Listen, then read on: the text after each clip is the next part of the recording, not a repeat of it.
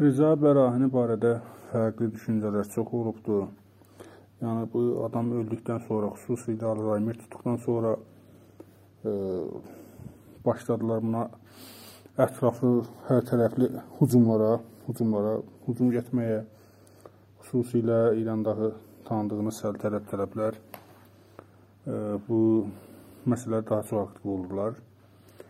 Digər tərəfdən də bu adam öldükdən sonra bir sıra bizimlə yaxın olan insanlar, insanlar da bu adamın nədən türkcə yazmadığı barədə fikirlər irəli sürdülər. Fərqli cəhətdən bu adam, yəni demək olar ki, hər iki tərəfdən və daha çox səltənət tərəflər qarşı tərəfindən həmləyə məruz qaldı. Ancaq ki, burada e, səltənət tərəflərinin neçə dənə e, sözləri var idi ki, bunlara mənim nəzərimə bu səhvi axır verilişində Mehdi Fəlahəti e, yaxşı cavablandırdı demək olar bir çox savab sorulara, məsələlərə yanaşdı və cavab verdi. Xüsusilə o məktub ki, yazıblar və bu məktubu bildiyiniz kimi İranın bir çox adamları imzalayıbdı. Təhsə Bərahini dəyər inqilabın əvvəllər və dediyi kimi inqilab baş verməmişdən öncəyə aiddir bu yazılan məktublar. Xubunu Şamlı da imzalamışdır. Çoxları imzalamışdı tək Bərahiniyə aid deyildi. Ancaq niyə Bərahini fərqli seçdilər?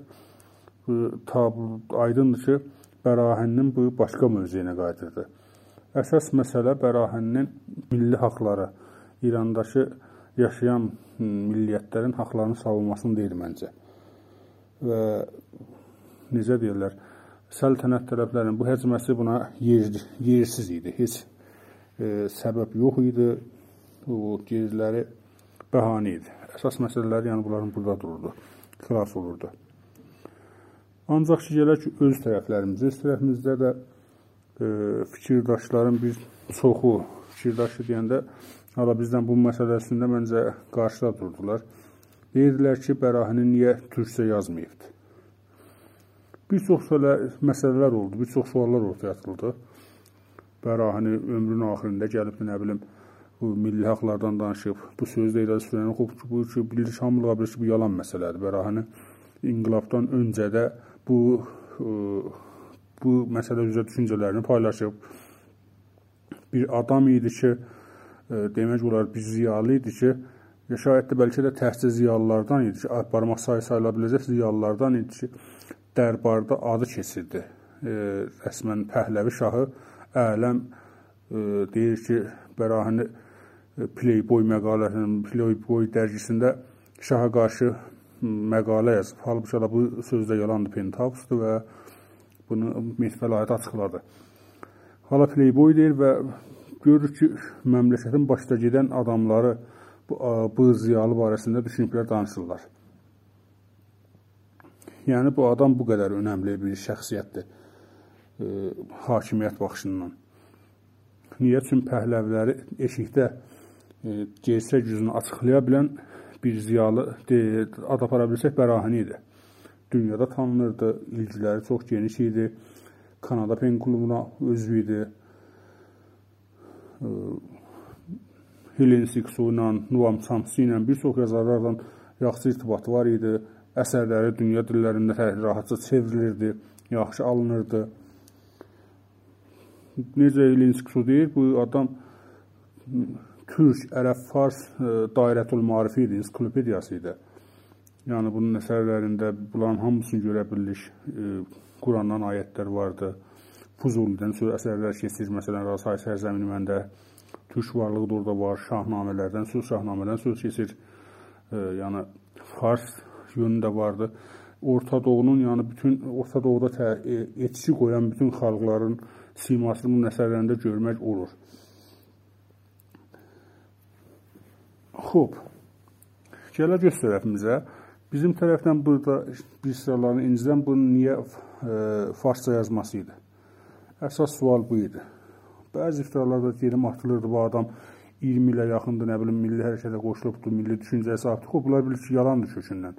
Bir adam ki, qapdı qaçdı sözünə görə, e, sözündən, sözünü işlətdiyinə görə Pərviz Sabiti tərəfindən sən pişəvər olmaq istəyirsən, sualın, yəni sualına qarşılaşacaq buna bu söz demək doğrudan böyük ihtilafdır.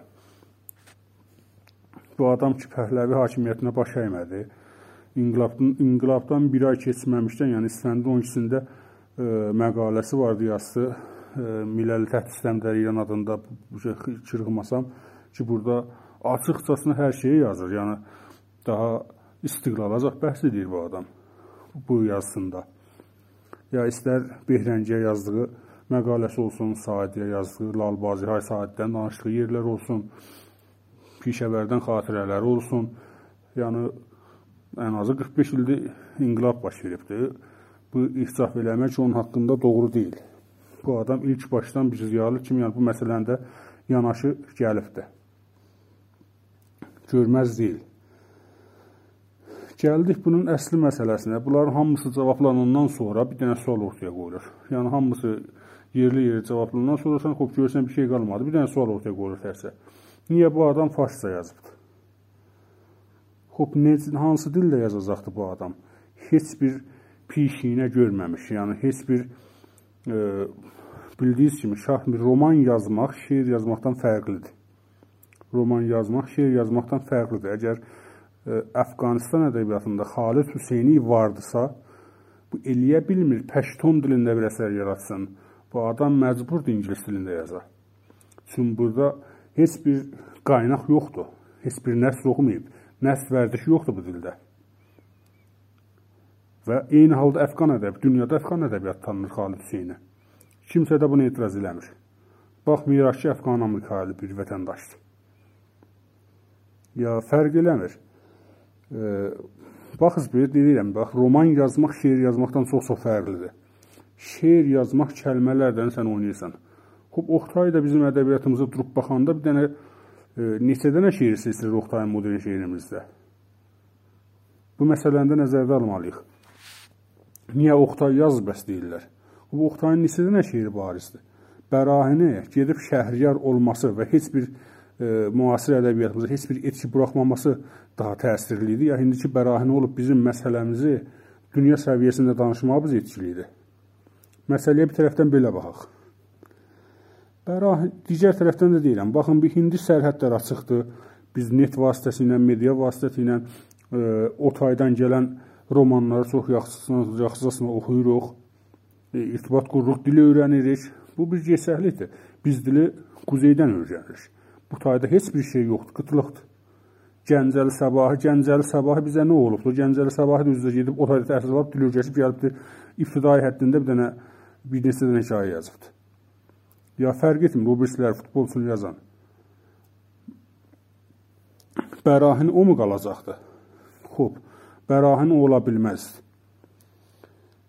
Bu adamın çevrəsi, birincisi bu adam ingilis ədəbiyyatı oxuyubdu. İkincisi bu adam gedibdi Türkiyəyə. Türkiyə deyirlər, bəli, gedib Türkiyədə ki, bu türk dilini bilirdi. Xeyr, Türkiyədə bu adam ingilis dili üzrə oxuyubdu. İngilis ədəbiyyatı oxuyubdu orada.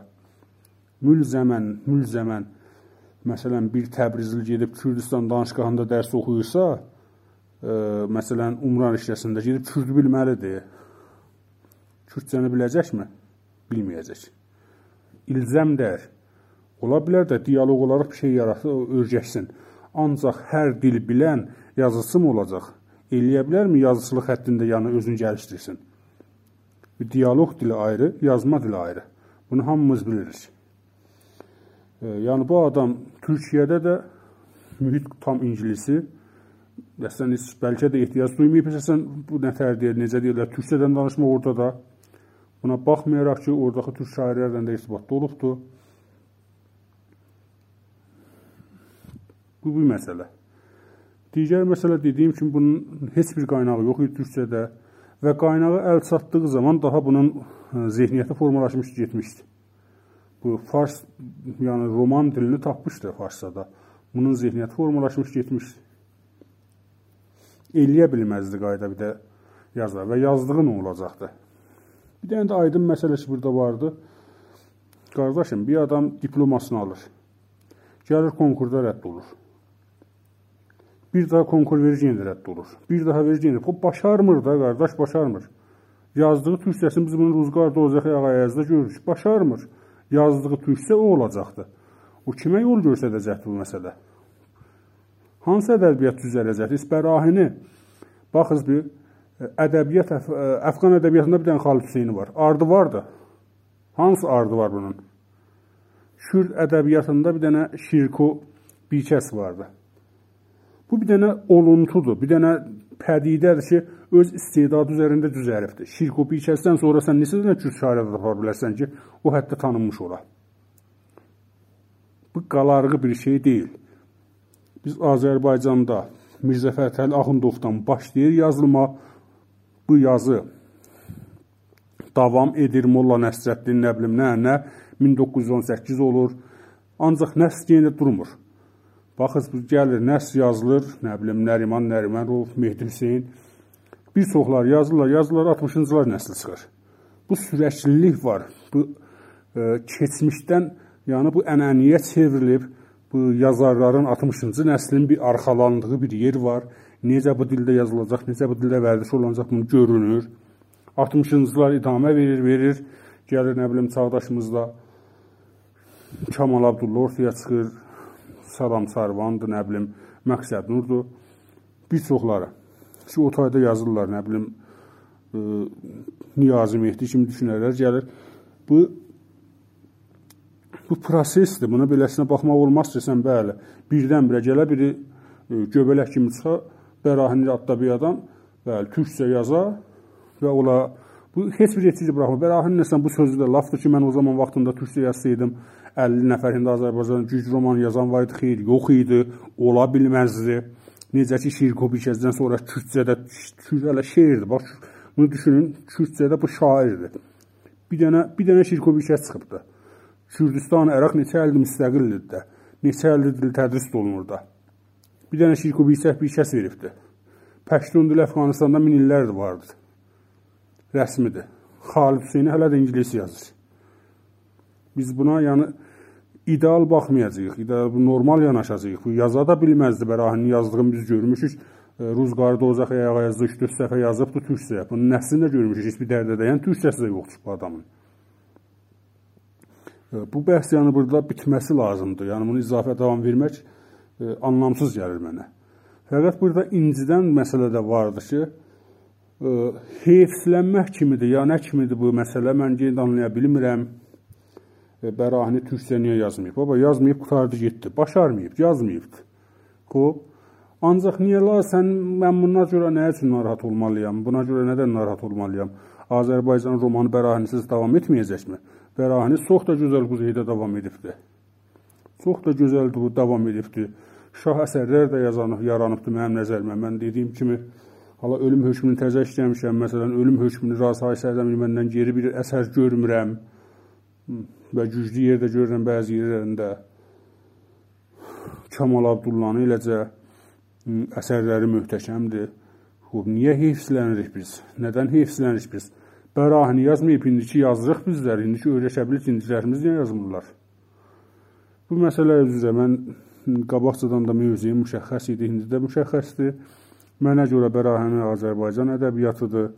Necə ki, Çəngiz Aytmatov Qırğız ədəbiyyatıdır, necə ki, Xalid Hüseyni Əfqan ədəbiyyatı sayılır və bir çox Gabriel Garcia Marx or Kolumbiya ədəbiyyatı sayılır. Mənə görə də Bərahini Azərbaycan ədəbiyyatının ayrılmaz bir parçasıdır və bu adam təqdirə layiqdir.